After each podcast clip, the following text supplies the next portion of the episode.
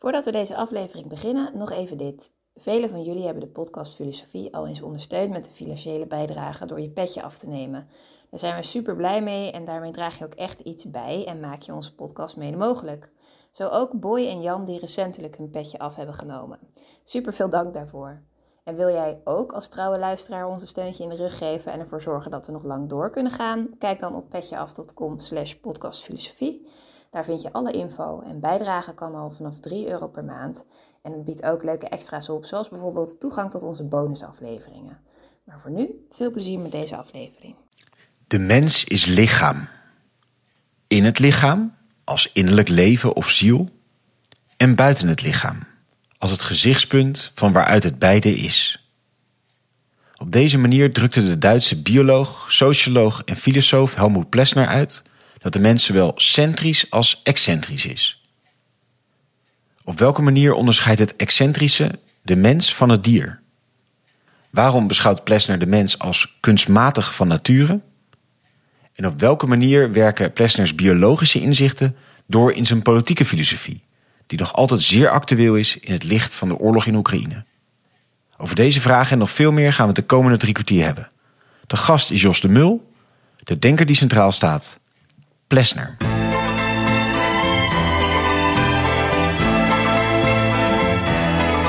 Vers les docks où le poids et l'ennui me courbent le dos.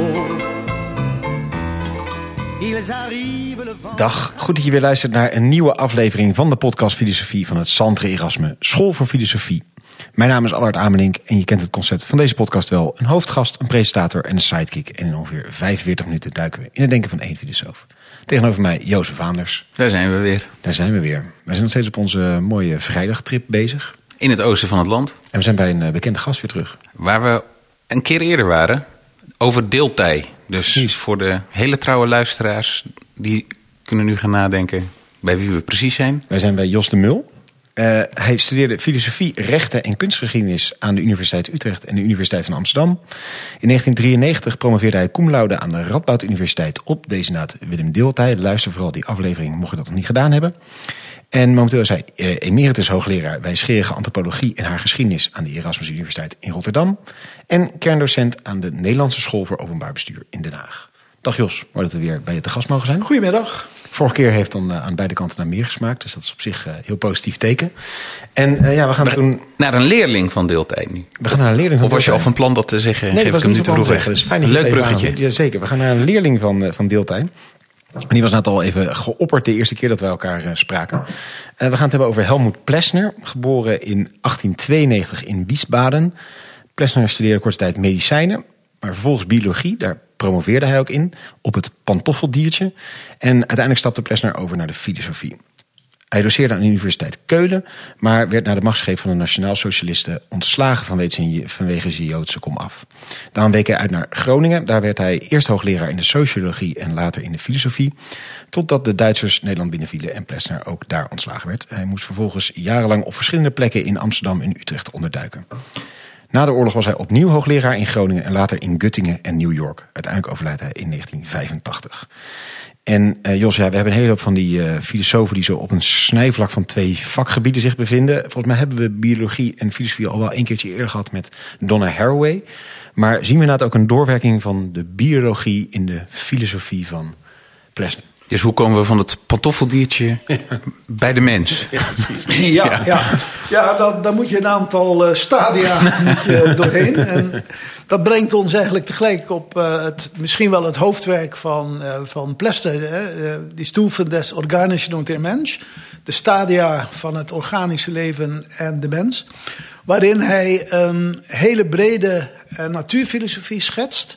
Ehm, wat is leven? En eh, daarin vervolgens een aantal stadia onderscheidt. ehm, die hij aanduidt als planten, dieren en mensen. En ehm, hij laat zien hoe die verschillende stadia zich ten aanzien van elkaar verhouden.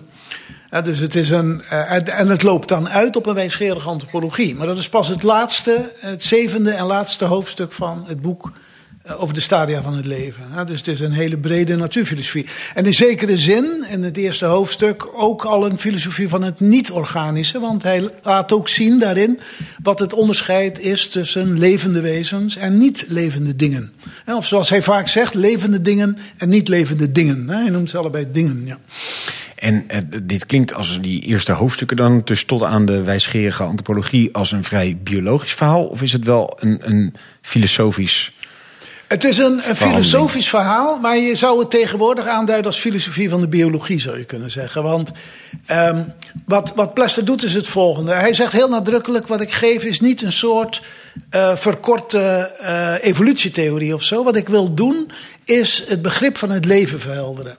En hij zegt dat, is in, dat moet je in feite in samenspraak met biologen doen. Want als een bioloog ehm, het leven bestudeert, gaat hij al uit van een bepaald concept, van een bepaald begrip van wat leven is. Maar dat is vaak niet uitgesproken, zegt, eh, zegt, Deel, eh, zegt eh, Plester. En wat hij wil doen is ehm, eigenlijk een a priorische theorie van het leven, zegt hij. En die- dat geeft ook aan dat hij ook, net als Deeltij overigens, een, een leerling van Kant is, een verleerling van Kant. En want bij Kant gaat het ook om begrippen die onze geest al heeft, waarmee we naar de werkelijkheid toe gaan, om te zeggen. En ehm eh, Deeltij die eh, gaat, onderzoekt dat vooral op het gebied, de begrippen die we hebben om de menselijke geschiedenis te begrijpen.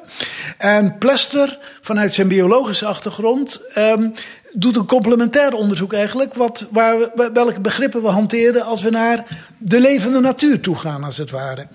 En waarom is dat belangrijk? Omdat hij zegt, als je niet dat begrip heel helder krijgt, dan eh, is het ook heel lastig om allerlei vragen te beantwoorden. Eh, Zeker als het gaat om verschillende vormen van leven te onderscheiden. En dus hij probeert niet alleen een algemeen begrip van leven te geven, maar ook ehm, die verschillende stadia van het leven te, eh, analytisch te verhelderen en van elkaar te onderscheiden. En wat zijn dan die a priori begrippen waar die mee komt? Ons, onze Nou ja, vooruitgesnelde ja. kennis is eigenlijk van de biologie. Wat voor dingen moet ik dan aan denken? Nou ja, als je, het begint heel bazaal van waarin onderscheidt een levend wezen zich van een niet levend wezen. En dan is zijn uitgangspunt dat eigenlijk alle dingen die wij tegenkomen in de werkelijkheid zijn eindig. Eindig in ruimte en tijd. En, en hier toont zich overigens, dat is wel interessant, want eh Deeltij heeft twee hele belangrijke filosofische leerlingen gehad, zou je kunnen zeggen, Plester en Heidegger. En die nemen allebei dat idee van die eindigheid over van Deeltij. En waar Heidegger alle nadruk legt op de tijd en zegt, ja, we zijn eindig in de tijd, hè, we zijn zijn zum tode, hè, we zijn in het leven geworpen en na een tijdje stopt het ook weer. En vandaar ook het hoofdwerk Zijn en Tijd. En bij Plester wordt alle nadruk gelegd op de ruimte, op de ruimtelijke eindigheid. Dus hij zegt alle dingen zijn eindig. En dat geldt zowel voor levende als niet levende dingen. En dan bedoelen we als in van eh, planten sterven, mensen sterven, in Nou, fysieke nee, nee, zin. want dat is in tijd, hè? Dat is ja, in tijd. maar ja. in, in ruimte dan... In ruimte is be- begrensd in de zin dat je lichaam eindigt ergens Ja. hè, in, in, in de ruimte. Maar wat is nu het onderscheid tussen niet levende en levende dingen? Hij zegt, l- niet levende dingen hebben contouren. Die houden ergens op. Bijvoorbeeld de, de tafel waar ik hier aan zit, die eindigt ergens. Hè. Hier, hier is de rand van de tafel en als je iets verder gaat, een paar centimeter verder, is het niet tafel meer. Maar dat is een contour en er is geen interactie in zekere zin tussen die tafel en zijn omgeving. Het is een harde grens. Het is een harde grens, zou je kunnen zeggen. Nou ja, niet helemaal hard in die zin. Een tafel vergaat ook in de loop van de tijd. En een, zelfs zo'n rots, hè, die verweert, die erodeert door eh, wind of water. Maar dat is niet in de vorm van interactie. Mensen daarentegen, oh, sorry, eh, levende wezens daarentegen, zegt Plester, die hebben geen contouren, maar grenzen. En wat nu een grens onderscheidt van een contour, is dat een grens heeft, een, ehm, eh, heeft eh, ook grensovergangen. En er is een, een interactie tussen datgene wat aan deze kant en aan die kant van de grens is. En je kunt dat al ehm, biologisch gezien, ehm, kun je dat opmerken aan de hand van de cel. Eh, de meest, zeg maar, de basiseenheid van het leven, de cel. En die bestaat uit een eh, membraan. Een semi-permeabel membraan. Dat wil zeggen, dat, is een, dat sluit het de cel af van de buitenwereld, van de omwelt, van de omgeving. En tegelijkertijd is het niet gesloten volledig, maar er is eh Uitwisseling van stoffen en, en Ja, hè, want de cel heeft voedsel nodig en dat haalt hij uit de omgeving. En het stoot ook eh, stoffen uit, afvalstoffen, ontlasting. Ehm, eh, en die moeten ook door die grens heen. Maar de cel moet ook zichzelf bij elkaar houden, als het ware. Dus die grens is ook een manier om jezelf te onderscheiden van de omgeving. Op het moment dat die grens doorbroken wordt, is het einde van het leven. En dat, eh, dat, dat geldt dan voor die cel. Die, dan zie je er zijn prachtige filmpjes op YouTube te vinden. En dat je ziet dat een cel ehm, afbrokkelt en langzamerhand en dan opgaat in zijn omgeving. Ehm, dus dat, dat, is, en dat geldt ook voor de mens natuurlijk. Als je sterft uiteindelijk. Hè, wij hebben niet alleen ehm, die grens, die zit niet alleen op het niveau van de cel. Maar ook het orgaan heeft natuurlijk eh, omhulsels. En ook onze huid. Is, en we hebben ook nog, en daar komen we later misschien nog op, allerlei kunstmatige omhulsels. Bijvoorbeeld een huis dat we bouwen of kleding die we dragen. Maar die grens is, is, is heel belangrijk. En dat is dus kenmerkend voor, voor het leven. Grens en grensverkeer. Maar je zei al even een beetje dat eroderen. Dat is dan dus toch een contour en geen grens. Omdat er geen... ja, er- kan wel interactie zijn. Nee, er is hoe geen interactie, want interactie dat, dat, ehm, verandert de dat substantie niet. activiteit.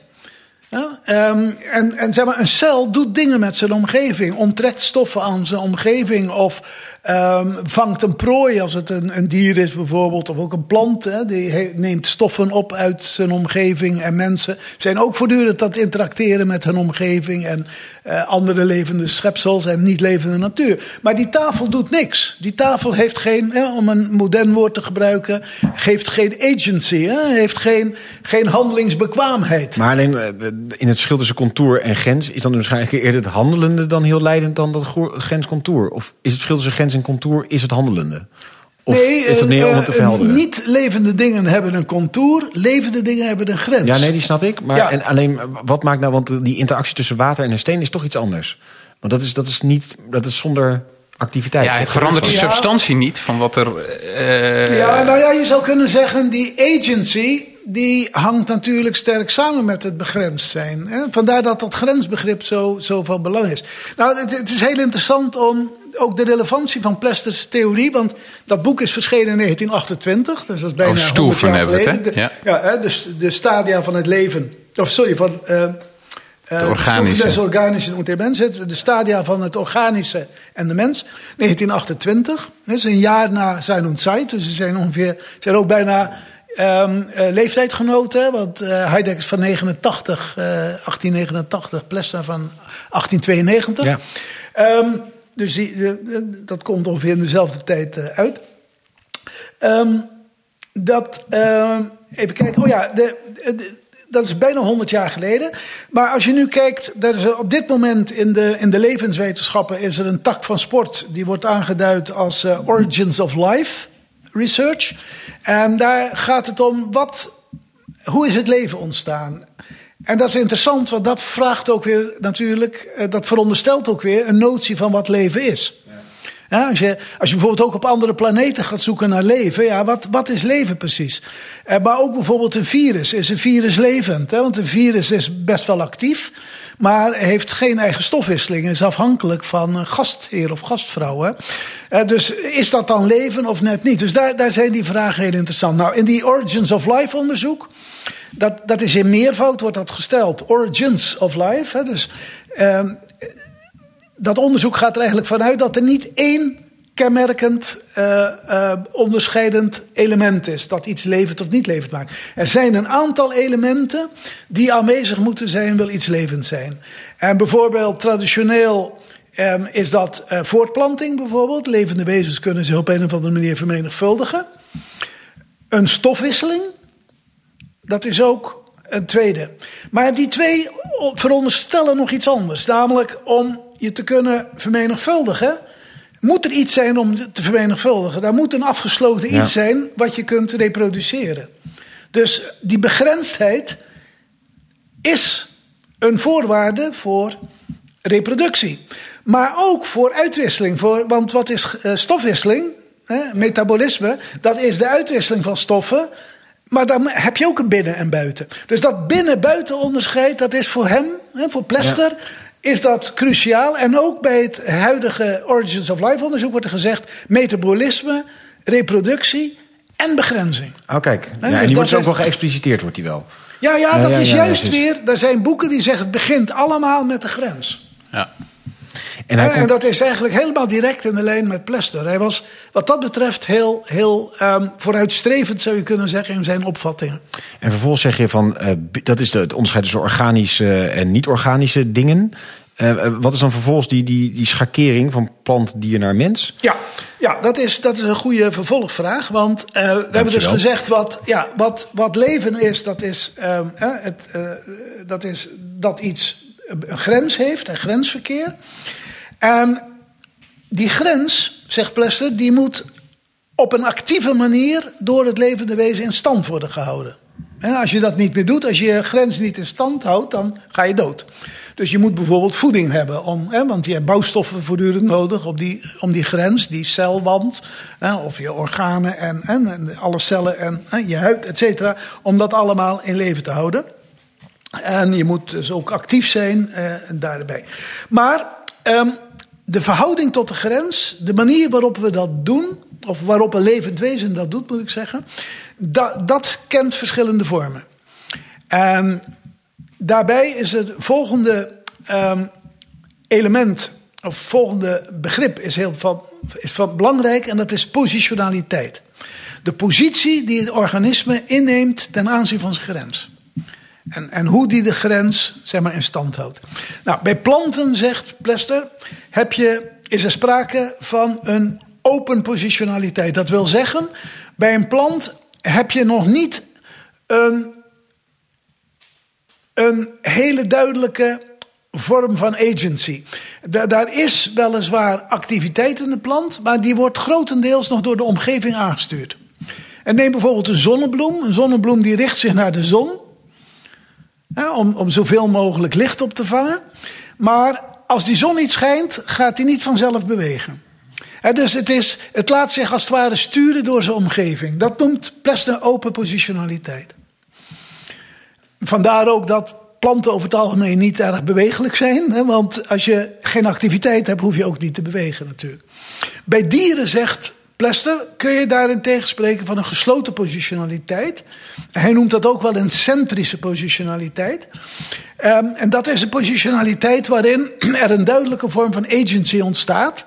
Waarin het dier actief is in zijn interactie met de omgeving. En dat veronderstelt eigenlijk twee dingen, zou je kunnen zeggen. Je moet ehm, aan de ene kant moet je een motorisch apparaat hebben.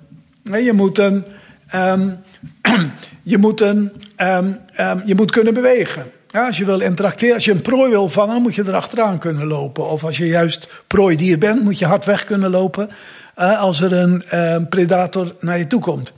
En in de tweede plaats, om op een goede manier te kunnen interacteren, moet je ook op een of andere manier weet hebben van je omgeving. Dus je hebt ook een sensorisch apparaat nodig. Hè, dat wordt in de psychologie en biologie wel eh, sensomotorisch apparaat genoemd, want die twee ga- gaan samen. Als je een motorisch apparaat hebt, eh, poten of benen, dan heb je ook ogen en oren nodig om te weten waar je naartoe moet lopen, zeg maar, of waar je vandaan moet lopen. En dat is dus het dier. Dus bij het dier zie je een, een duidelijke inter- interactiviteit ontstaan en een duidelijke agency. En bij de, bij de plant is dat een soort voorvorm, zou je kunnen zeggen. Want de plant doet wel dingen, maar laat zich meer aansturen dat hij zelfsturend is. En, en dan ziet hij daar inderdaad ook een graduele schaal tussen. Van dat er ook dieren zijn. Ik, ik moet zeggen, ik weet niet zoveel van het pantoffeldiertje. Maar dat die inderdaad meer in de hoek van ja. open position- positionaliteit Ja, zit. Ook weer een goede vraag, Hart. Want ehm, het punt ben is... lekker bezig, Ja, ja je bent lekker Dat, bezig vandaag. Ja. Nee, dat is ook een goede vraag. Want ehm, kijk, wat, wat Plester zegt... Ik wil als het ware, en dat is transcendentaal onderzoek. Hè, hij wil ehm, op een, de logica van die ontwikkeling wil hij beschrijven in feite. De basisvormen. Hij zegt er tegelijk bij, empirisch gezien heb je heel veel tussenvormen. Je hebt uh, organismen ja, die, die dichter bij uh, plant zitten dan bij een dier, zeg maar. En um, als we straks gaan hebben over dier en mens, de chimpansee staat heel dicht bij de mens. Dus um, in de empirische realiteit is het heel gradueel. Dus het pantoffeldiertje kun je nog niet echt vergelijken met een, met een chimpansee bijvoorbeeld, qua intelligentie, qua motorische mogelijkheden, et cetera. Maar wat Plester wil doen is dus niet zozeer. En vandaar dat hij zegt: ik wil niet een soort evolutietheorie schetsen. Nee, ik wil de basisvormen van het leven wil ik van elkaar onderscheiden. En dat is typisch filosofisch werk. De, de begripsmatige manier dat onderscheiden. Maar dat kan natuurlijk niet zonder kennis van die levende wezens. Dus je, je moet of ook zelf bioloog zijn. Of um, nauw samenwerken met biologen om, om, om je daardoor te laten informeren. En maar dat geldt algemeen overigens voor mijn vakgebied wijsgerige antropologie. Als je filosofie van de mens wil doen, moet je ook kennis hebben van, um, van, van medische antropologie, van sociologie, van psychologie, van geschiedenis. Alles waar dat menselijk leven in voortkomt, moet je wat van weten. Om, om op een filosofische manier, op een goede manier te kunnen nadenken over wat het is om mens te zijn. En, dus, en dat geldt uh, dus ook eh, duidelijk bij, bij Plester. Uh, maar hij had dan het geluk dat hij zelfs een biologische achtergrond had. Overigens, hij had twee leermeesters, om dat nog even tussendoor te noemen. Zijn biologische leermeester was Hans Driesch. En dat was een beroemde vitalist uit zijn tijd. Hè? Die dacht dat het leven iets heel bijzonders was. Een soort sprank die in de materie ah, kwam. En, en daar zet hij zich tegen af. Uh, Plester. hij, hij, hij, was heel belangrijk voor hem, Dries. Heeft hij heel veel van geleerd. Maar hij geloofde niet dat er een soort sprank is. Nee, hij wilde een materieel a priori. In de zin, in de materie zelf zit het leven. En niet een, een soort... er is geen begeesting die van buitenaf komt en die materie leven inblaast. Maar... En daar, daarmee is ook nog um, duidelijk aan. Het, tweede hoofdstuk van de Stoeven is een grote kritiek op Descartes. Want waar Plester zich tegen afzet, is tegen het Cartesiaanse dualisme. Want Descartes ging ervan uit dat de werkelijkheid bestaat uit twee substanties, twee verschillende soorten dingen. Namelijk materiële dingen en geestelijke dingen. En die hebben een hele aparte eigenschap. Materiële dingen zijn uitgebreid in de ruimte. Dan hebben we ook weer dat ruimtebegrip, wat bij Plester zo belangrijk is als bij Descartes ook. Maar geestelijke dingen, zijn die, ja, de, de, de geest heeft bewustzijn. Dat is de eigenschap van de denkende substantie. Ja, res extensa versus res cogitans. Ja, inderdaad. Dat zijn de twee zaken. En dan komt Descartes voor een enorm lastig probleem. En dat probleem is, hoe kunnen die twee dingen, die totaal verschillend zijn, samenkomen. Want blijkbaar hebben wij, mm, eh, als mensen bijvoorbeeld, hebben wij een lichaam, materie en geest. Maar die zijn totaal verschillend. Dus dat was het onopgeloste probleem bij Descartes. Descartes kwam daar niet uit. En dan, één oplossing is die geest uh, doorstrepen en zeggen: dat is alleen maar materie. Een materialist, ja, hè, dan krijg je materialist. Nou ja, ook Descartes eigenlijk ook al, hè. Dat hij nog die geest over die geest heeft, is vooral op de katholieke kerk gerust te stellen. Want in zijn geschrift over de fysica is hij een volstrekte materialist. Bijvoorbeeld in ons land, Hans van Ruller heeft dat eh, in zijn werk over Descartes keer op keer, en denk op een goede manier benadrukt. Het was een gewoon een materialist. Alleen eh, in de meditaties komt hij dan ineens met die ziel op de proppen. Dat, maar ja, zijn pogingen om die twee te verbinden, dat is echt een mislukking. En dat is nog steeds een mislukking. Nee, ik bedoel, dat is nog steeds niet gelukt. En Plester zegt nu, ja dat komt omdat dat hele uitgangspunt verkeerd is. Namelijk dat substantiedualisme. En Plester plaatst daar een, alternatief, um, een alternatieve verklaring tegenover. Hij zegt er is niet zozeer sprake van twee verschillende substanties, maar van twee verschillende perspectieven op dezelfde substantie. Er is namelijk maar, als we het over leven hebben, één substantie, dat is het levende ding. Maar vanwege dat grensfenomeen kun je dat levende ding op twee manieren bekijken. Namelijk van binnenuit en van buitenaf. Dus neem bijvoorbeeld mijn, mijn hand. Van binnenuit ervaar ik mijn hand eh, in allerlei, eh, wat tegenwoordig wel qualia wordt genoemd, de kwalitatieve ervaring. Ik voel de warmte bijvoorbeeld um, van de omgeving. Um, ik voel de druk van de lucht bijvoorbeeld op mijn hand. Dus dat is van binnenuit. Maar ik kan ook door mijn ogen naar mijn hand kijken, mijn hand van buitenaf bekijken. En dan zie ik een materie. En het is niet zo dat dat twee verschillende substanties zijn. Het zijn twee verschillende manieren van ervaring van dezelfde substantie. Dat is zijn antwoord. En dat komt door dat grensfenomeen. Als je een grens hebt, heb je een binnen- en een buiten. Een binnen- en buitenperspectief. Dus je kunt wel van een dualisme spreken bij Plester, maar dat is een pers perspectivistisch dualisme. En niet een substantiedualisme. Er zijn geen twee verschillende stoffen als we over leven hebben, maar één stof. En, en daarom zet hij zich tegen Descartes af, maar ook tegen Dries. Want Dries ging ook eigenlijk nog net als Ja, de van- toch een bezieling uit die er dat tot er ergens een bezieling is die niet hetzelfde is als de materie. Ja. En Plester maakt wel onderscheid natuurlijk tussen levende en niet levende materie. Dus, maar dat komt omdat niet levende materie contouren heeft en Ja. levende materie een grens. Dus op dat moment heb je die twee verschillende perspectieven. En waren we gestopt bij de dier. eh, dier en dan gingen we naar, hadden het over, over de graduele overgang ertussen. Ja. Hij zoekt dus naar die, die ultieme categorieën. Ja. En dan komt hij dus ook met de categorie mens als derde Ja, uit. dus nog even ehm, recapituleren. De plant heeft een open positionaliteit. Hè, staat als het ware in een. ehm, wordt min of meer aangestuurd door zijn omgeving.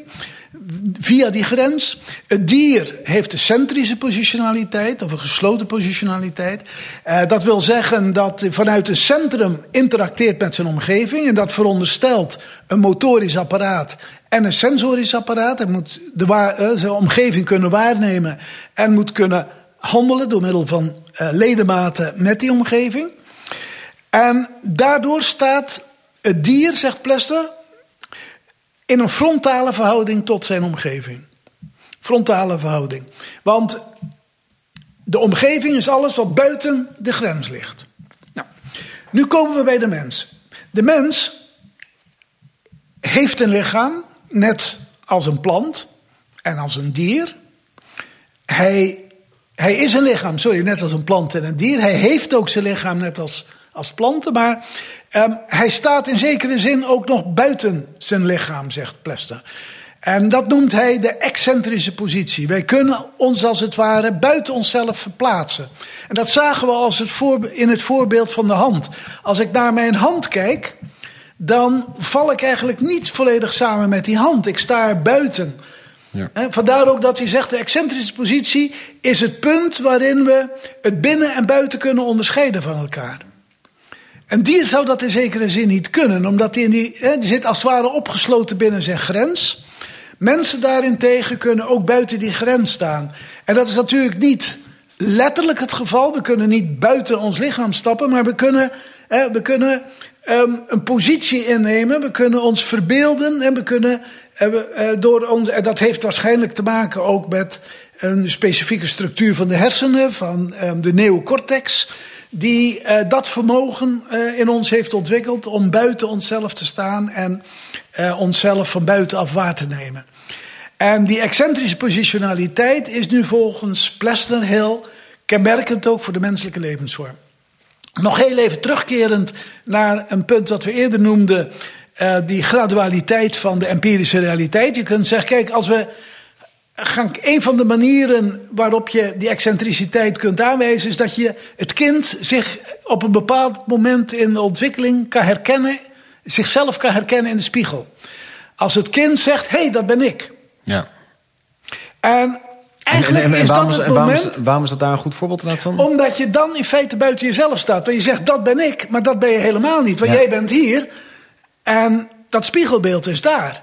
En vandaar dat Jacques Lacan, de psychoanalyticus, ook zegt... eigenlijk is dat een miskenning. Want als je zegt, dat ben ik... identificeer je met iets wat je niet bent. Namelijk je spiegelbeeld. En Plester zegt, dat is nou precies wat die excentriciteit uitmaakt. Je kunt het ook reflexiviteit noemen. Hè? Dat je kunt reflecteren op jezelf door buiten jezelf te staan. Maar dat ex betekent ook buiten. hè. Excentrisch wil zeggen dat je buiten je centrum staat. Maar let wel, mensen blijven ook centrisch. Het is niet dat we alleen maar centrisch zijn. Hè? Dus we, we, we, we zijn een lichaam, net als een plant. We hebben een lichaam wat, waar, waar we mee, iets mee kunnen, zoals het dier. En we staan tegelijkertijd er ook nog buiten. Dus die drievoudige verhouding ten aanzien van onze grens is kenmerkend voor de mens. Ja. Ehm, dat is voor Plester eh, heel kenmerkend. Maar nog even naar die gradualiteit. Als je nu kijkt naar wat we vaak hogere eh, levensvormen noemen, dan zie je bijvoorbeeld dat er ook andere dieren zijn, want mensen zijn ook dieren natuurlijk. Ehm, andere dieren zijn die bepaalde excentrische kenmerken vertonen. Bijvoorbeeld eh, mensapen kunnen zichzelf ook herkennen in de spiegel. Olifanten kunnen dat ook. Eh, dolfijnen kunnen dat. Dus eh, het is niet exclusieve eigenschap voor de mens.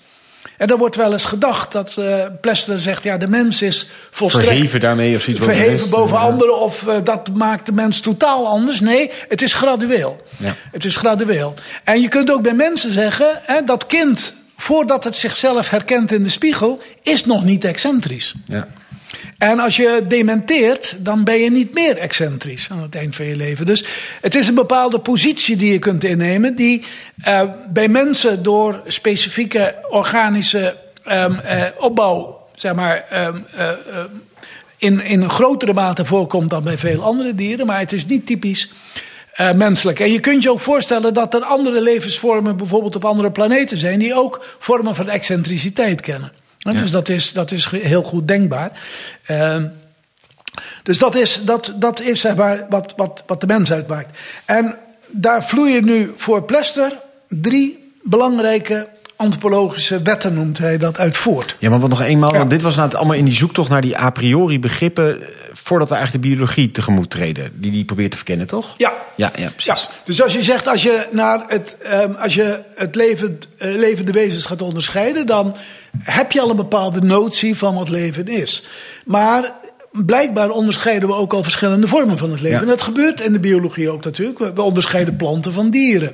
Maar waarom dat precies? Hè? En wat Plester probeert te doen, is de begrippen te munten Ja. die dat mogelijk maken. Ja, en dat Dus- zijn die stoeven ook. Die, dat zijn de stoeven, ja. De stoeven zijn plant, dier en, en, en mens. En je zou kunnen zeggen dat. ja, of daartussen, de stoeven zitten daartussenin. Nee, het- ja, of- nee, dat zijn. Ja, dat is ook toch. ehm, Of misschien maak ik het te complex, Goeie sorry. vraag, goede vraag. Want Dank je, het. Duitse begrip, het Duitse begrip stoeven is dubbelzinnig. Ehm, je kunt het vertalen met eh, stadium, en dat is een soort temporeel begrip, stappen, of eh, als niveaus. Ja. Stoeven zijn ook niveaus.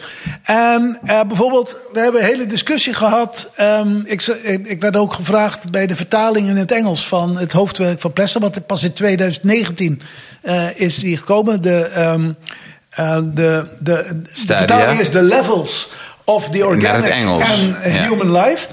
Eh, En de human, ehm, en en de human, zo is het, ja. Maar daar is dus gekozen niet voor stages, maar voor levels. Want het, het probleem met het Duits, of met het Engels is dat je twee verschillende woorden hebt waar je in het Duits met stoel van beide tegelijk aanduidt. En in zekere zin is het dus eerder levels. Want ehm, als je zegt de mens is excentrisch, dat betekent niet dat hij niet centrisch of open positionaliteit aspecten kent. Alleen dat zijn twee niveaus waar bij de mens nog een niveau bovenop komt, dat excentrische. En dus we zijn volledig dier.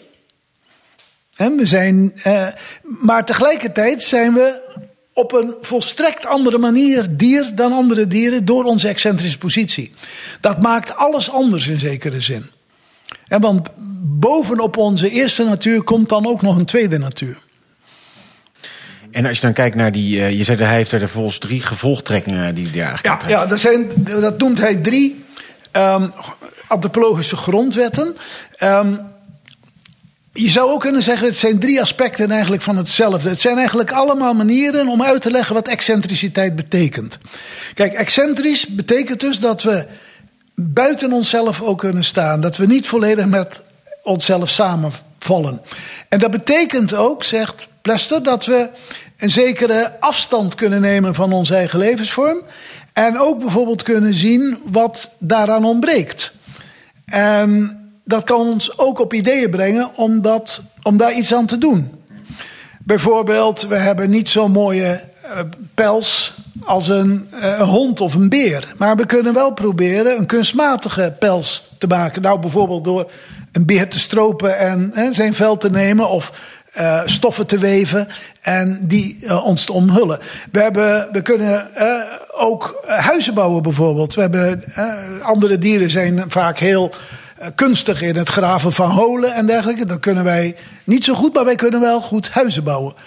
Bevers lijken wel een beetje op ons wat dat betreft. Die kunnen ook prachtige dammen bouwen en zo. Nou, dat, kunnen, dat kunnen wij ook. Nou, daarom zijn we, en dat is de eerste wet, kunstmatig van nature, zegt Plester. En dat is een hele paradoxale Kunstmatig uitspraak van natuurlijk. Ja, we zijn kunstmatig van nature.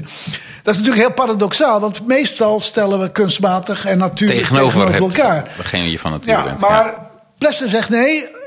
Wij zijn, hè, die, die kunstmatigheid behoort bij de menselijke levensvorm. Dat is onze natuur eigenlijk. En soms is ook heel, wel- heel erg tegen Heidegger in natuurlijk. Hè? Dus eh, de- als in die techniek als een soort van enorme vervreemding ten opzichte van... Maar dan zou Plessner zou ook zeggen, nee, dat, dat hoort al bij ons. Ja, dat hoort Ja. erbij. Alhoewel dat bij, bij, bij Heidegger natuurlijk ook wel enigszins het geval is. Bijvoorbeeld in zijn, in zijn tuiganalyse, in zijn site zegt hij ook... ja, mensen gebruiken werktuigen om te. En dat is deel ook Ja, van, ja, van het daarzijn. Het daarzijn gebruikt ook. Alleen de moderne technologie, de machinetechnologie, daarvan zegt Heidegger... ehm, dat is heel vervreemdend. En daar moet Plester niet zoveel van hebben. Nee. Kijk, Plester zet zich ook nogal af tegen bepaalde vormen van romantiek. Die uitgaan dat er een soort innerlijke, innerlijke kern is. Waar we, die we, waar we Authentieke ja, kern, ja. Authentieke kern waar we naartoe kunnen gaan of zo. De, de- door, ons, eh, door onze eh, kunstmatigheid af te zweren. Zo, nee, ik wil terug naar mijn natuurlijke kern. Maar onze natuurlijke kern is, die kunstmatig, kunstmatigheid. Hè? Dus daarom, daarom, is dat, daarom is dat niet mogelijk. En, ehm, Kijk, hi- hiermee hangt samen ook het rolbegrip wat Plester ontwikkelt. Dat is een belangrijk thema in de sociologie ook geworden. Want bijvoorbeeld een van die kunstmatigheden is ook een rol die je aanneemt. Bijvoorbeeld, ehm, stel dat, eh, dat je vader wordt. Nou, vader worden, dat is inderdaad een goed woord, dat, dat, eh, dat worden. Omdat je, als het ware, dat niet vanzelf bent. Je moet, dat, je moet die rol leren spelen. Nou kun je zeggen, ja, dat ben ik dus niet echt, dat is maar een rol. Maar Plester zegt, nee, juist in het aannemen van die rol word je jezelf. Hè, dus je, het is niet alleen de vaderrol of de partnerrol die je aanneemt, maar bijvoorbeeld ook je, eh, je, je, eh, je beroep. Is ook een rol die je moet leren. Als je filosoof wil worden, moet je colleges volgen, moet je bepaalde vaardigheden leren kennen. Je moet artikelen kunnen schrijven of eh, colleges kunnen geven. En, dan, en dat, zijn, dat zijn de vaardigheden die je tot filosoof maken. Is dat nu allemaal kunstmatig en niet mijn echte kern? Nee, die kern, dat wordt de kern van mijn bestaan juist. Hè, dus dat rolbegrip is, is heel erg belangrijk. En bijvoorbeeld, ehm, dat, daar komen we misschien later nog op, ook voor zijn politieke theorie is dat heel belangrijk, zullen we straks nog zien. Maar goed, even terug naar die drie grondwetten. Dus we zijn kunstmatig van nature. ja, Ja. precies. En de tweede is ehm, de bemiddelde onmiddellijkheid. En die hangt daar eigenlijk, daarom zei ik ook, het zijn eerder verschillende perspectieven op hetzelfde aspect. Want het betekent dat wij altijd slechts via een omweg onmiddellijkheid kunnen ervaren. En dat heeft hij sterk ontleend ook aan Delta. Voor degenen die de podcast over Delta hebben gehoord, herinneren zich misschien die trias Erlebnis Ausdruck Verstehen. Hè, En die neemt Plester helemaal over eigenlijk. Want om jezelf te leren kennen, moet je dus een rol aannemen. Dus je, Via die rol leer je jezelf rol, kennen. ja. Via de veruiterlijking van jezelf in een rol leer Ja. je iets over jezelf. Precies. Ja, interessant. Ja, hè, dus dat, dat, en dat is zeg maar voor, voor de antropologie is dat heel belangrijk. Ja. En daarmee word je jezelf als het ware. Hè, al wanneer, eh, Plester mag ook graag naar Nietzsche knipogen. Bijvoorbeeld ook eh Ecce Homo, de autobiografie van Nietzsche, heeft ook als ondertitel Word wie je bent. dat, is, eh, dat is ook, een, eh, ook paradoxaal eigenlijk. Hè? Dus Ja. eh, je moet nog worden wie je al bent. Maar precies dat is ook wat Plester eigenlijk uitdrukt in dat rolbegrip. Door die rol aan te leren word je pas wie je bent. En, en het, het is daarbij dus niet zo dat je een rol kan hebben die niet bij je past. Want dat Nou ja, vormt je uiteindelijk wel. Dat, dat kan wel. Je kunt zeggen, je hebt wel, je hebt wel misschien bepaalde kwaliteiten die eh, maken, eh, die genetisch bepaald zijn of door je opvoeding, die je meer voortbestemmen voor een bepaalde rol dan voor anderen. Eh, ehm, als, als je. ehm, nou, neem, neem, neem Plester, zijn vader was arts. Dus hij dacht, nou ja, misschien moet ik ook wel arts worden. Dus hij ging medicijnen studeren, zoals je in je inleiding zei.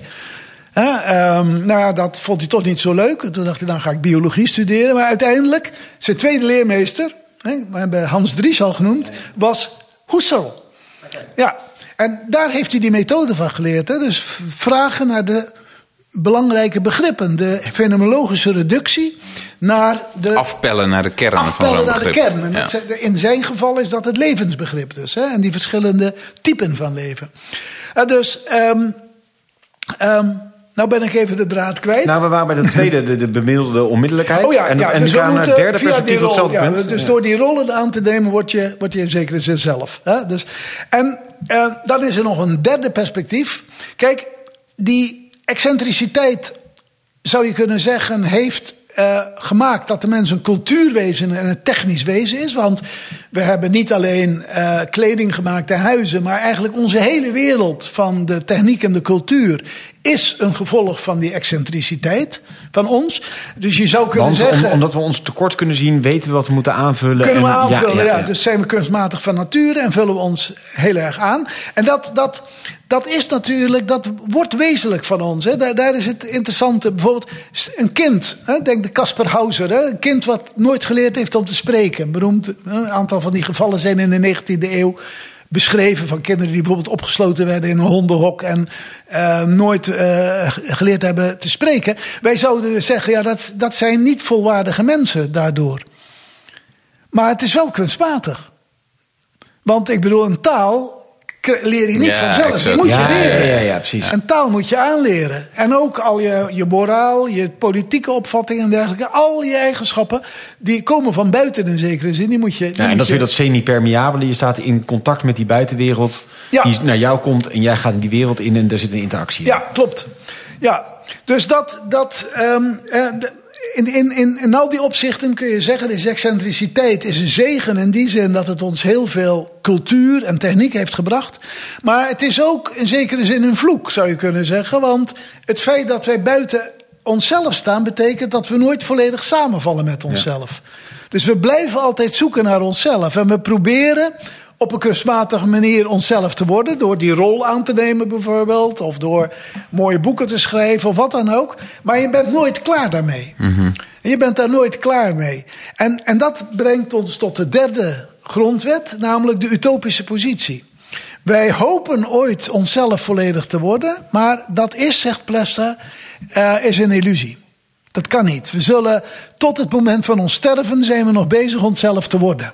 Ja, de perfectibiliteit. Is Ja, dat, ja. ja. nou ja, of het perfect is, weet je niet. Maar in ieder geval. De, Het onderweg. Nou, we zijn altijd onderweg. We moeten ons altijd nog realiseren.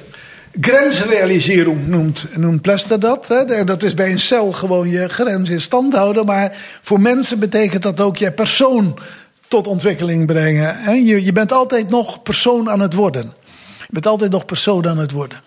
Nou, ehm, Maar, en dit zijn die drie eh, gronddingen. Dat, als ik naar die, die laatste, ik moet denken aan de, bij, bij Sartre met het, het ober.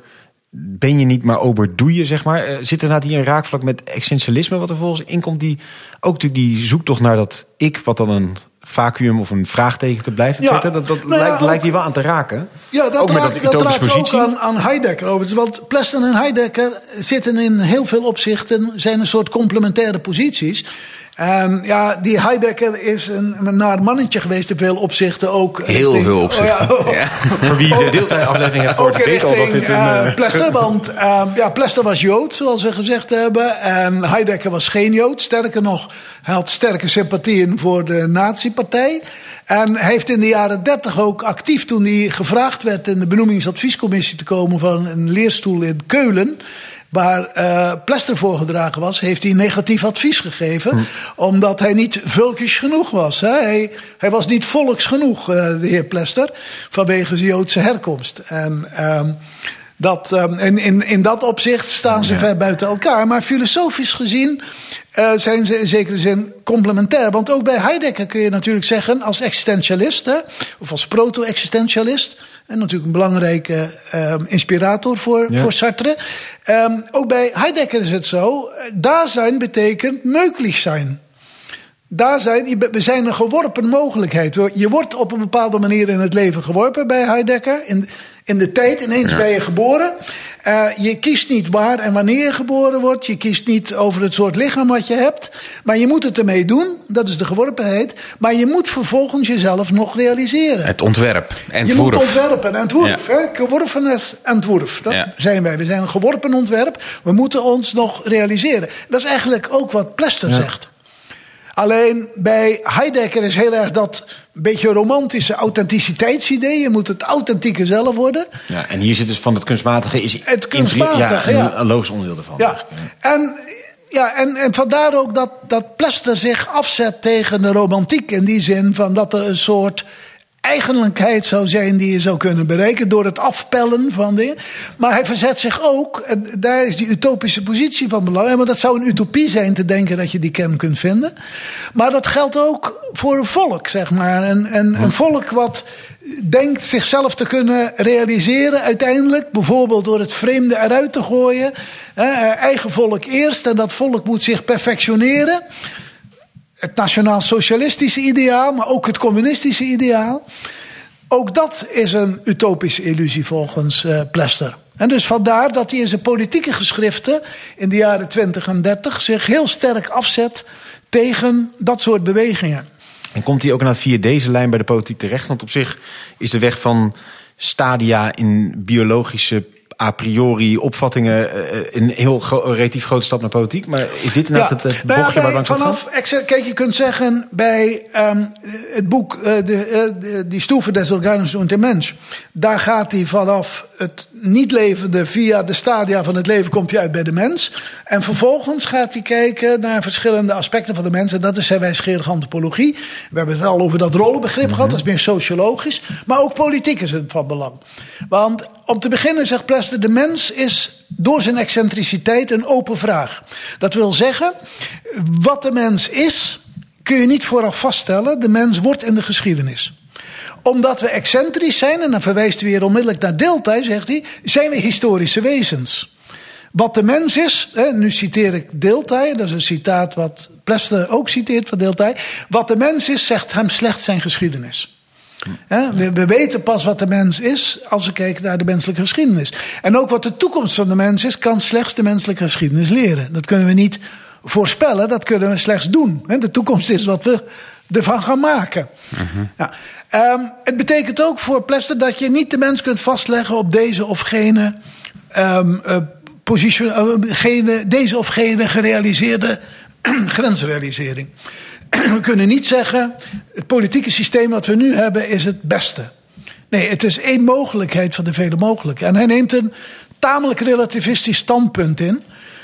In de zin dat hij zegt, um, um, er is geen buitenhistorisch perspectief mogelijk waar we kunnen zeggen wat het beste is. Mm -hmm. Want die, wat we kunnen zeggen is dat wij openstaan naar de toekomst. En dat wij in het verleden ook verschillende hebben gerealiseerd. Dat betekent niet dat het een soort fatalisme is of zo. Want je kunt best wel je eigen positie verdedigen als die wordt aangevallen. Uh, Plester was een democraat. En uh, hij was van mening dat als, de, als een, een, een niet-democratische mogendheid jouw democratie wil vernietigen, heb je het recht om dat te verdedigen. Dan vallen we eigenlijk terug, zou je kunnen zeggen, in je centrische positie. Ja. Namelijk jezelf handhaven. Ja. Maar als je de excentrische positie inneemt, dan kun je ook de positie van de ander innemen. En je kunt, ik kan me ook voorstellen wat het is om jou te zijn. Ik kan me voorstellen wat het is dat je, eh, om, om jou te zijn en pijn te lijden. En ik kan empathie daarvoor mhm, voelen en mhm. denken, misschien beter om dat niet te doen. En dus, zolang jij mij niet kwaad doet, ga ik jou ook niet kwaad doen. En wil ik misschien zelfs wel solidair zijn met jou als medemens. Of zelfs kan ik solidair zijn, ja. in die zin empathisch zijn ten aanzien van dieren. Ja. En, daar is ook een heel interessante discussie die hij in de jaren uh, 20 en 30 voert met, um, uh, met uh, Carl Schmid. Carl Schmid was de, de, de hofjurist van de nazi's. en um, die, was, die werd wel de nazi-ideoloog genoemd. En die had in de jaren 20 en 24 een artikel geschreven um, over het begrip politiek. En hij zei: politiek betekent het onderscheid te kunnen maken tussen vriend en vijand. En ehm, hij verwijst in de tweede druk in 32 dan ook heel nadrukkelijk naar Plester. En Plester had in 1931, een jaar voordat die herdruk van dat stuk van, van, um, van Schmid kwam, uh, een boek geschreven, Macht en menselijke natuur. En daarin zet hij ook uiteen dat ja, we kunnen die centrische positie innemen en dan moet je afzetten tegen de ander. Hm? Maar ook die excentrische positie. Wat Schmid vervolgens doet, is eigenlijk alleen die centrische positie. Ja, ja, precies. We kunnen Ja. alleen maar onderscheiden In, in tussen vriend vriend en vijand vijand, denken. En dat, ja. En Plester zegt dan, ja, dat is een belangrijk onderscheid. Want het is ook zo, als centrische wezens staan wij tegenover de wereld. Maar het is niet het hele verhaal. Maar het is niet het hele verhaal. ja, we kunnen het ook daar overheen. We kunnen daar overheen. het En, en dat is voor Plester toch de wenselijke situatie. Alhoewel hij erkent, we blijven ook dieren. En we blijven ook op onszelf behoud Gericht. gericht. Ja. Dus als de ander mij wil vernietigen, dan is het terug. onvermijdelijk om geweld terug te gebruiken. Of Ja, althans onvermijdelijk. Je kunt ook pacifist worden, maar... ehm, Ja, het is ja, belachelijk om nu eh, in, in het geval van Oekraïne pacifist te zijn. Hè? En alleen maar excentrisch te denken, ja, ach, die Russen toch ja, ook. En die hebben ook met hun trauma en hun Ja. historische Ja. trauma's. En, eh, Kom nee, maar. Ja. Ja. Ja. Ja, maar daar zie je ook dat bijvoorbeeld bij aanvang. Kijk, eh, ehm, Poetin. Het is niet voor niks dat Poetin en zijn ideologen zich sterk op Schmid beroepen ook. Schmid is ook zeer populair in Rusland. En in die zin is het Rusland van Poetin is heel erg vergelijkbaar. En ook de ideologie daarvan met het Nationaal Socialistische Rijk. Want het gaat ook een mythisch rijk, ook bij Poetin. Het gaat over eh, het, allemaal het historische- Sovjet-rijk. Pan-Slavisch. Pan-Russië, ja. Ja.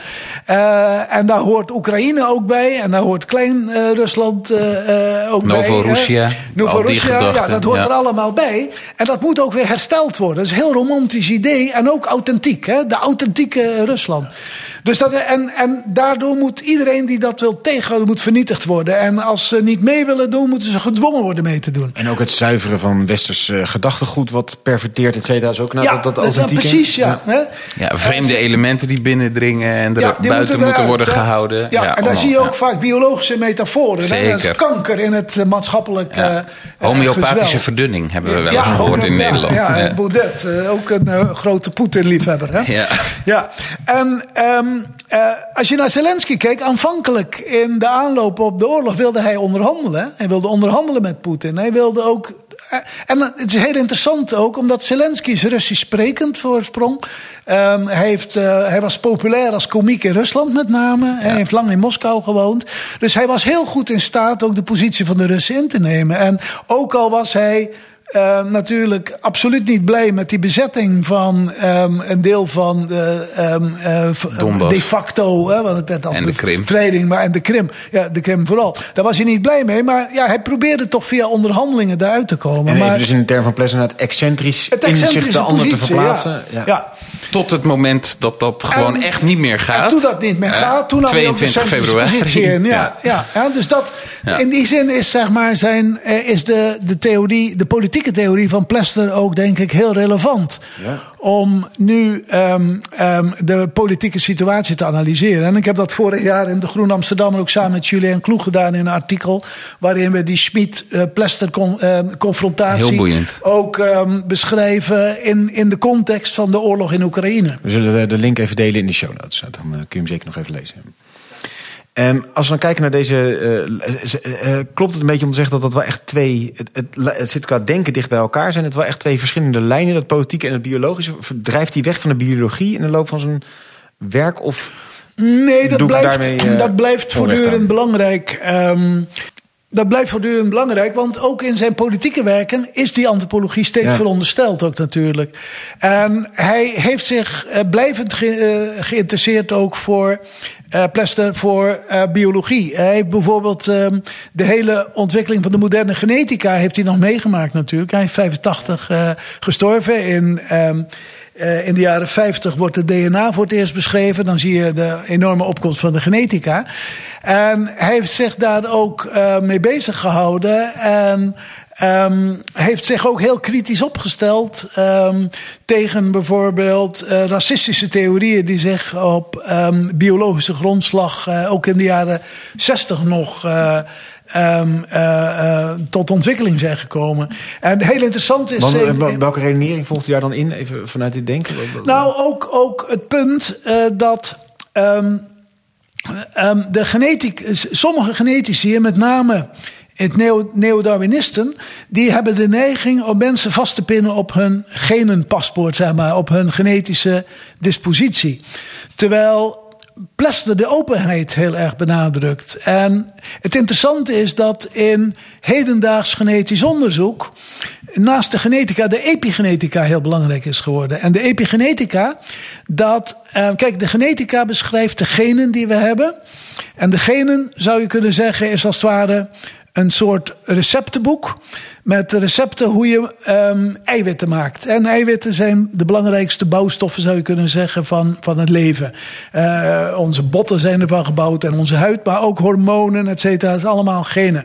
En het idee van Um, het genetisch determinisme, waar sommige neo-Darwinisten zich schuldig aan maken, is dat ze zeggen: jouw genen bepalen wie je bent en hoe je zult handelen. En um, sommigen hopen zelfs te kunnen voorspellen waaraan je dood zult gaan, omdat je genetische dispositie hebt voor dit of voor dat. Uh, Plester benadrukt die openheid. En je zou kunnen zeggen, ja, dat, dat wordt weerlegd door uh, die genetisch determinisme. Maar hij verzette zich daar heel tegen, eh, heel sterk tegen. En hedendaags onderzoek geeft Plester daarin ook wel gelijk. Omdat de epigenetica zegt: kijk, je kunt wel die genen hebben, maar of die genen tot expressie komen of niet, dat is afhankelijk van heel veel uh, factoren, ook omgevingsfactoren. Um, als je een, een, dispositie hebt voor kanker, nou, of je wel of niet rookt, maakt dat heel erg uit of je kanker zult krijgen. Um, maar sterker nog, um, uh, ook het regulerende, de regulerende stoffen in je lichaam, die veranderen onder invloed van je ervaringen. En dat is eigenlijk wat Lamarck in de, in de biologie naar voren heeft gebracht. Um, en dat was een voorloper, zou je kunnen zeggen, van de evolutietheorie van Darwin. Mm -hmm. Darwin zegt, die genen die worden volstrekt um, door het toeval bepaald muteren die af en toe en veranderen die.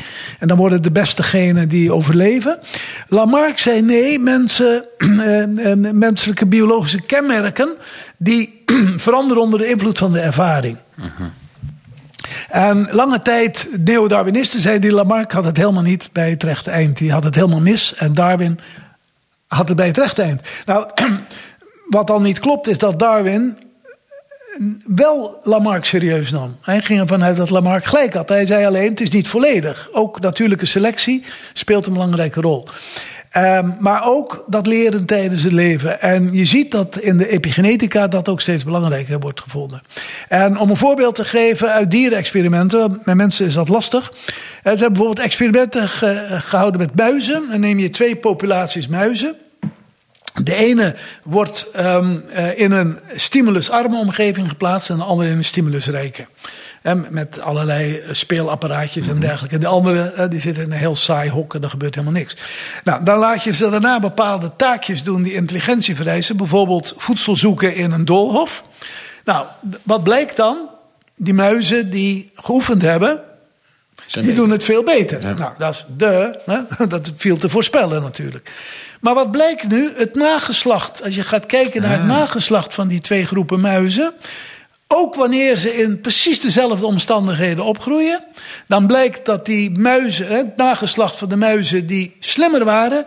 Ook slimmer gedrag vertonen. Ja, is er dus toch iets genetisch? Hoe kan dat? Ja. ja. Nou, dan blijkt niet dat de genen zelf niet echt veranderd zijn. Maar wel de stoffen die de genen aan en uitzetten. Hm. dus als je uh, zeg maar goed geoefend hebt, dan worden er stoffen ontstaan. En ook die kunnen genetisch worden overgedragen. Alleen niet via de celkern. Dus niet de, het DNA zelf verandert. Hè, de volgorde van de elementen van het DNA. Maar de stoffen buiten de kern, die de het DNA aan en uitzetten. En, dus dat, en dat is ook overerfelijk, vooral via de moederlijn, zeg maar. En dus dat is een, en dat is een, een, dat betekent dus dat wij meer open zijn naar de toekomst dan een deterministisch standpunt zegt. Hè? Dus ook in, in die zin blijft de biologie ook voor Plester in zijn latere werk van belang. En uh, volgt hij ook het DNA-onderzoek met, met heel veel belangstelling. En bijvoorbeeld, en dat is interessant, in 2019 zijn, zijn colleges uit 1969 die nooit eerder uitgegeven waren. Van Plester. Die ja, van Plester. Die zijn uitgegeven 2019 in een Soerkamp boekje. Uh, passend bij zijn verzameld werk, wat ook in zo'n Soerkamp editie is uitgegeven. En dat is heel interessant, want daarin gaat hij uitvoerig in ook op um, het um, genetisch onderzoek van die tijd. En ook bijvoorbeeld op um, pleidooien om de mens genetisch aan te passen. Want daar, daar zet hij zich ook vanuit dat idee heel sterk tegen af. Interessant. En als we dan kijken naar filosofisch schoolmaken, heeft hij evidente leerlingen of een, een leerlinglijn die uh, uit hem voortvloeit? Nou ja, heeft hij in die zin ook een openheid naar de toekomst uh, ja, veroorzaakt? Ja, op een of andere manier heb ik een voorkeur, ben ik bang voor tragische filosofen. ook weer Plessner. Ja, nee, maar dat is juist mooi, want anders ben je de zoveelste die de grote deze of die herkoudt. En in plaats daarvan. Nou, ja. nou kijk, bij, bij Deelta hebben we al gezien, die is heel zijn leven bezig geweest aan die kritiek der uh, historische vernoemd, die hij nooit afgemaakt heeft. Dat is een beetje de, de, de eindigheid van zijn bestaan. verstorben is. Ja, ja, ja. die wegstierf over zijn, uh, over zijn hoofdwerk. En wel heel belangrijk gebleken dus, want zowel Heidegger als Plester hebben zijn werk voortgezet. Alleen Deelta heeft de credits niet zo gekregen, omdat hij eigenlijk dat werk, dat is een beetje de vergetelheid geraakt. En bij Plester was er een andere reden. Kijk, um, hij schreef dat werk in 2000, uh, uh, publiceerde De Stoeven in 28. En ook een heel belangrijke politieke werken in uh, De Grenzen der Gemeinschaft in 23 en Macht und Menselijke Natuur in 31. Dus voor de machtsovername belangrijke werken. Maar dan vindt die machtsovername plaats. Hij moet naar Groningen, een schitterende stad, maar niet het centrum van de wereld natuurlijk. En, ja, ik ben er geboren, hè, Jos. Kijk ja, uit wat ja, je zegt. Ja, nu moet ik uitkijken. mijn moeder. Ik ben bang dat er nu een stukje weggesneden gaat worden in deze podcast. Wel het centrum van de wereld. Oké, okay, komt op een dag een plaquette, Jozef. Maar, je geboortehuis. hij, ja, maar Plester had natuurlijk het probleem. Hij kon niet meer, of nauwelijks in het Duits publiceren natuurlijk. Want hij had in Duitsland geen toegang meer. Uh, na de Tweede Wereldoorlog mocht hij eerst Duitsland ook niet terug in. Omdat de Amerikanen terugkerende Duitsers een paar jaar tegenhielden. Omdat ze bang waren dat nazi's weer terug zouden komen. En de macht weer wilden grijpen. Um, uiteindelijk is hij teruggegaan en heeft hij een belangrijke rol gespeeld. In de denazificering van de Duitse universiteit. Um, dus de, want ja. natuurlijk na die Tweede Wereldoorlog alle Um, uh, de rechterlijke macht, maar ook um, het onderwijs, de universiteiten, die, die waren gedurende de natieperiode natuurlijk alleen naties zaten daar ja. nog. Ja, je kon niet iedereen ontslaan, maar dan zou een land onbestuurbaar werden. Dus dat was een heel precair proces Mhm, mhm. om langzamerhand die naties eruit te werken en te vervangen door, democra door meer democratische lieden, zeg maar. En uh, daar heeft Plester een belangrijke rol in gespeeld. Maar het nadeel was natuurlijk dat hij daardoor weinig heeft kunnen werken aan zijn. Uh, aan, aan zijn uh, bekend worden van zijn Ja, werk. En natuurlijk ook weinig leerlingen had. Want normaal heb je leerlingen die ook je werk voortzetten. En ja, in die, al die jaren kon hij geen leerlingen hebben. Ja, hij heeft wel in Nederland leerlingen gehad. Hè. Bijvoorbeeld Jan Spenna Weiland. Uh, degene die de leerstoel wijsgeerantropologie in Rotterdam voor mij bezette. Uh, Lolle Nauta, in de jaren 60, 70 belangrijke politieke filosoof in Nederland. Jan Glastra van Loon, ook een, een van de oprichters van de D66, was ook een leerling van hem. Hij heeft daar in de Tweede Wereldoorlog ook ondergedoken gezeten in Amsterdam, Plester. Um, Uh, hij heeft wel um, in die zin um, uh, wat scholing gemaakt in Nederland. Maar ja, de Nederlandse filosofen hebben altijd wel nauwe banden met Plestergesellschaft in Duitsland en zo onderhouden. Maar ja, zijn, zijn momentum was in zekere zin uh, weg. Gelukkig, zou je kunnen zeggen, en ik heb daar een bescheiden steentje aan bij proberen te dragen. Zie je dat de afgelopen twee decennia een duidelijke Plester-renaissance plaatsvindt. Onder andere in de techniekfilosofie. Hè, want eh, zijn ideeën over kunstmatigheid van nature blijken heel vruchtbaar te kunnen worden toegepast in, um, in de techniekfilosofie. En ook mensen als bijvoorbeeld Peter Paul Verbeek in, in, uh, in Nederland, uh, bekende techniekfilosoof en nu rector hè, van de UVA. Um, Bekend van de afspraak, aflevering over Latour. Ja, ja Latour. De, de, en, en de techniekfilosofie staat op een heel hoog pijl in Nederland. Hè, de, bij, bij uh, accreditaties en evaluaties van het onderzoek in Nederland wordt altijd gezegd: techniekfilosofie is een van die takken in Nederland waar we echt internationaal een belangrijke rol spelen. En dat is niet um, uh, zonder de invloed van Plessner goed denkbaar. Hè. Die hele school uit Enschede bijvoorbeeld, van Hans Achterhuis, Peter Paul Verbeek en anderen, zijn, sterk door, ja, zijn daardoor sterk um, door Plessner uh, beïnvloed. En wat je. en eindelijk is nu ook pas in 2019 de stoeven in het Engels vertaald. Hè? Dat er geen Engelse vertalingen waren. Hielp ook niet bij internationale bekendwording. Um, nee. um, wel een aantal andere, bijvoorbeeld een aantal van die politieke geschriften zijn wel eerder uh, gepubliceerd. En je ziet dat daar ook nu vooral door de Engelse vertaling van Macht en Menselijke Natuur 2018, dus ook, ook nog maar heel recent geleden, um, zie je dat ook als politiek filosoof hij nu heel interessant is. En dat, dat is vooral interessant omdat in de hedendaagse politieke theorie Schmid ook weer salonveeg is geworden. Uh, en gek genoeg niet alleen bij rechtse denkers, bijvoorbeeld ik noemde Poetin en zijn omgeving al. Ook bij maar, Chantal Mouffe, meer aan de linkerkant. Chantal Mouffe ja. en uh, Laclau, hè, dat zijn zeg maar links, uh, linkse denkers ja. die ook dat denken overnemen. En het is ergens wel te begrijpen, maar je, je moet dat een beetje zien in, in, het, in, in, in de context van de depolitisering van de politiek op ja. dit moment. Hè? Ja. Bijvoorbeeld in Nederland zie je dat heel duidelijk, dat sinds het eerste Paarse kabinet zijn eigenlijk alle politieke partijen buiten de flanken om. Dus alle middenpartijen zijn een beetje neoliberaal geworden. Ja. En ook de PvdA ging helemaal met de VVD meedoen, et cetera. Ja. En daardoor zeggen sommige denkers... ja, de politiek moet weer meer worden confrontatie, polarisatie... Ja. vriend en vijand Ideologische clashes. Ja, ideologische clashes. En, en begrijp me goed, um, uh, Moef en, en anderen pleiten niet zozeer voor een oorlog, hè, uh, nee. dat niet. Maar wel een ideologische strijd ja. moet terugkeren. En dan beroepen ze zich... Antagonie noemen ja, ze dat antagonie, geloof ik. Hè? En, maar dat is ook een begrip wat bij, uh, Schmid, bij Schmid vandaan komt. Um, dus in die zin wordt, wordt Schmid weer um, enigszins salonveeg. En dan zou je met Plester kunnen zeggen... nou.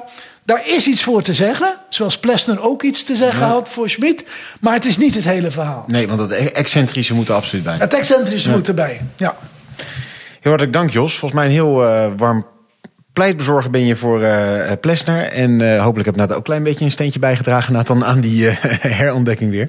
Um, we hadden het over Plesner inderdaad, biologie en filosofie. En die twee gaan echt wel hand in hand eigenlijk door het hele denken heen. Ook tot inderdaad in die politieke filosofie. Um, hij schrijft een boek over stadia van het organische leven en de mens. En dat gaat eigenlijk over die vraag van wat is leven en welke a priori veronderstellingen hebben we als we de biologie bedrijven. En hij onderscheidt inderdaad dan verschillende stadia, planten, dieren en mensen. En de vraag wat is nou het organische dingen en wat zijn de niet-organische dingen? Wat is het leven en wat is niet leven? En um, dat is eigenlijk dus een soort filosofie van de biologie. Hij zegt, ik wil geen verkorte evolutieleer uiteenzetten met een heel subtiele duiding van alle tussenvormen, maar een soort kernbegrippen munten van ja, welke soorten bestaan daarin en dus welke onuitgesproken aannames hebben wij uh, die eronder liggen. En uh, het is belangrijk dat je dat goed scherp hebt, want anders kun je ook niet goed onderscheid maken. Nou, waarin onderscheiden allereerst levende en niet levende zaken zich? Nou, het is uh, de conclusie dat alles is eindig. Uh, dat hebben Heidegger en Plessner allebei van deeltijd vandaan. Heidegger focust op tijd is eindig. En Plessner zegt ja, alles is ruimtelijk eindig. Het lichaam eindigt. Um, uh, en alle niet levende dingen hebben contouren. Denk aan een tafel, een steen. Die hebben contouren. Daar is geen interactie, geen handeling van die contouren richting de omgeving. Het zijn in die zin uh, strakke afbakeningen van contouren. Levende wezen hebben grenzen en waarin ook grensovergangen zijn. En de interactie is tussen wat buiten en wat binnen is. Maar wel belangrijk, er is dus interactie. Want uh, er is binnen en buiten, maar wel interactie. Ze zijn semi-permeabel. Kijk al naar de kleinste bouwstenen van onze lichamen. Cellen die hebben een membraan die semi-permeabel is. En het is belangrijk om dus uit te wisselen, zonder dat geen uh, voeding en geen uh, afvalstoffen die je eruit werpt. Maar je moet ze ook jezelf bij elkaar houden. Zonder grens ga je dood, omdat je dan helemaal gewoon ontbrokkelt. je ziet bijvoorbeeld ook in de Origins of Life research, wat nu heel veel plaatsvindt, is de vraag van wat is nou leven? Uh, is een virus leven? Is er leven op andere planeten? Wanneer zouden we dat aanmerken als leven? Uh, nou, er wordt gekeken naar, vermenigvuldiging, stofwisseling en, inderdaad heel belangrijk, er moet een begrenzing zijn, de veronderstelling van een grens.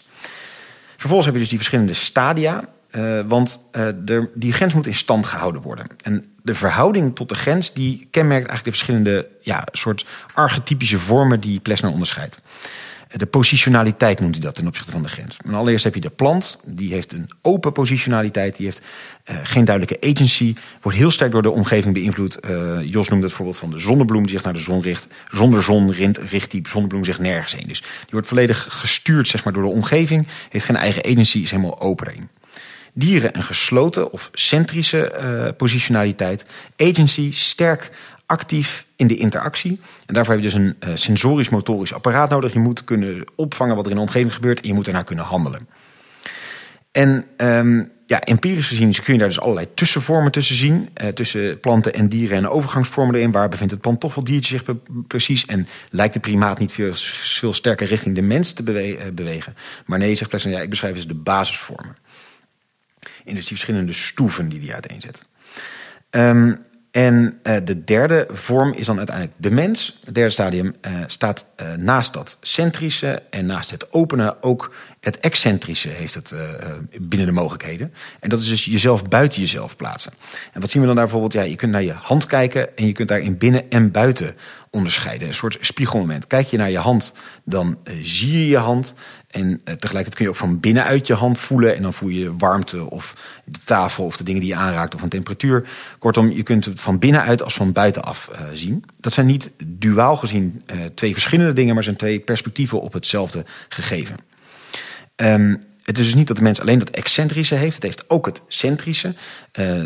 Planten zijn een lichaam. De mens is ook een lichaam. Dieren hebben daarnaast een lichaam. De mens heeft ook een lichaam. En tegelijkertijd kunnen wij daar dus ook buiten treden. En nogmaals, dus gradueel in de empirie gezien. Je kunt kinderen hebben die nog niet dat spiegelreflectiemoment hebben.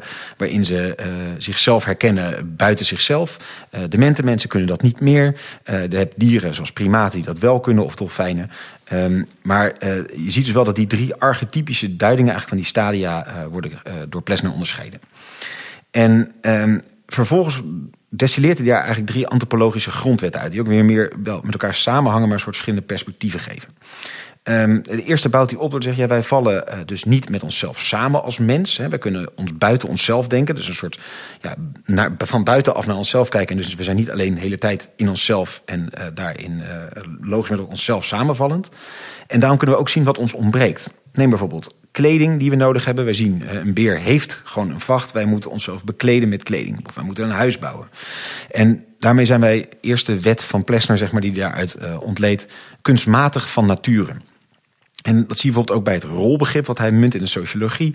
Uh, ook een kunstmatig ding. Dat wij een rol onszelf aan moeten leren, zoals vader worden. Je moet hem leren spelen. Maar gek genoeg is het niet dat je je dan vervreemdt van wie je ten diepste eigenlijk was. Maar je wordt meer door jezelf door die rol te gaan spelen. En zo hebben we dus dat kunstmatige, die interactie met die dingen die we tot ons nemen omdat we onze eigen tekorten zien, is iets wat we van nature hebben. Paradoxale opmerking, maar dus een, een belangrijke wet bij Plessner. Ten tweede zegt hij de bemiddelde onmiddellijkheid.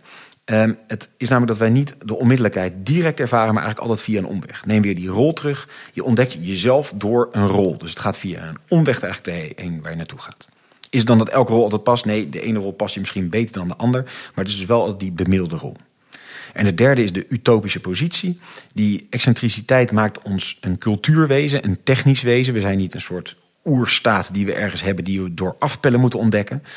Um, maar die uh, excentriciteit maakt, is een vloek en een zegen, omdat we dus nooit samen kunnen vallen met onszelf. We wel ergens dat verlangen hebben. En daarom geloven we ergens dat er een soort utopische plek is waar we helemaal met onszelf samenvallen, waar het helemaal klopt. Maar weet dus, die positie bestaat niet. Nou, dat is ook een beetje de brug richting het politieke denken van Plessner. Want hij gelooft dus niet in die romantiek van het afpellen naar de kern om dan een ware ik te ontdekken. En datzelfde geldt dus ook voor volken. We moeten niet denken dat er een soort zuiver en waar volk is. En dan komen we bij de wijsgerige antropologie. Eh, de mens is een open vraag. Er is dus altijd een tekort. We niet samenvallen. En ten tweede is de mens altijd ja, ingebed in een geschiedenis. Zowel onze verleden als de toekomst zal zich door daden tonen. Dus we zijn ingebed in een geschiedenis. En we kunnen dus de mens nooit helemaal volledig vastleggen. We kunnen nooit zeggen, ja, dit is hem, los van alles om, los van de tijd om. Nee, we zijn altijd ingebed in dat. En dat geldt ook voor de politiek. We hebben nu dit politieke systeem waar we voor zijn. Ehm, maar daarin is dus wel relativistisch in, want dat kan in een andere tijd een andere vorm inhouden, uh, aannemen. Maar daar komen wel tussen dat excentrische en centrische in. Dat, dat centrische wat dus een dier doet en excentrische waar de mens zich buiten kan treden. Zegt uiteindelijk mag je jezelf wel in stand willen houden, handhaven. Af en toe moet je naar dat centrische terug om je, je buitengrens op, de, op peil te houden. Doe je dat niet, dan storten die grenzen in en leidt het uiteindelijk tot de dood. Over het algemeen zijn we excentrisch, empathisch, solidariteit, kunnen we meeleven met anderen. Maar er zijn momenten dat die grens wel opgetrokken moet worden. Contrasteren we dan Plessner met Schmid, met wie je net ook contacten had, dan zie je dat Schmid door dat vriend-vijand denken eigenlijk alleen dat centrische benadrukt. Dus uh, een directe confrontatie met de omgeving en de rest zijn alleen maar anderen.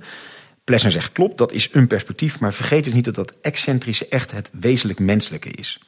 Kijken we dan bijvoorbeeld naar de uh, situatie in Oekraïne en de oorlog daar, zien we dat er vanuit het Russische kant, vanuit Poetin, vanuit Schmid wordt gedacht. Een mythisch rijk wat dus naar, terug afgepeld moet worden naar een ware identiteit, waar alle vreemde elementen eruit gewerkt moeten worden. En we in eerste instantie Zelensky zagen proberen daar op een excentrische manier met een soort empathie toe te verhouden en te kijken, kunnen we daar uitkomen? Maar op het moment dat het tot een directe confrontatie leidt, uiteindelijk dat centrische, die grens moet worden getrokken. Nou, Plessner blijft actief, uh, gaat inderdaad dus ook met de biologie nog steeds aan de slag ten aanzien van de genetica en de epigenetica. Uh, maar ja, ergens stokt dus wel door de geschiedenis van zijn eigen context ook zijn academische carrière in zekere zin. Maar met deze bijdrage zien we dus dat zijn populariteit de laatste tijd weer meer toeneemt. En uh, hopelijk hebben we daar geval met deze podcast ook een beetje een bijdrage aangeleverd. En dan moet je nagaan dat we ook nog heel veel onbesproken hebben gelaten. We zitten al op een vrij lange aflevering, dus vandaar dat we er een punt aan draaien. Maar uh, onder andere ook zijn denken over de grenzen van landen. Over copyright kun je zien hoe steeds nog steeds ook dat thema van grensstellen voorbij komt. Um, en ook uiteindelijk het verschil van de grenzen van de gemeenschap. Dus in dat opzicht er zit er nog veel meer in Plesner. Verdiep je vooral hem uh, verder als je dat nog wil. Heel hartelijk dank Jos, dankjewel Jozef. Jij natuurlijk weer heel hartelijk dank voor het luisteren. En heel graag tot een volgende keer.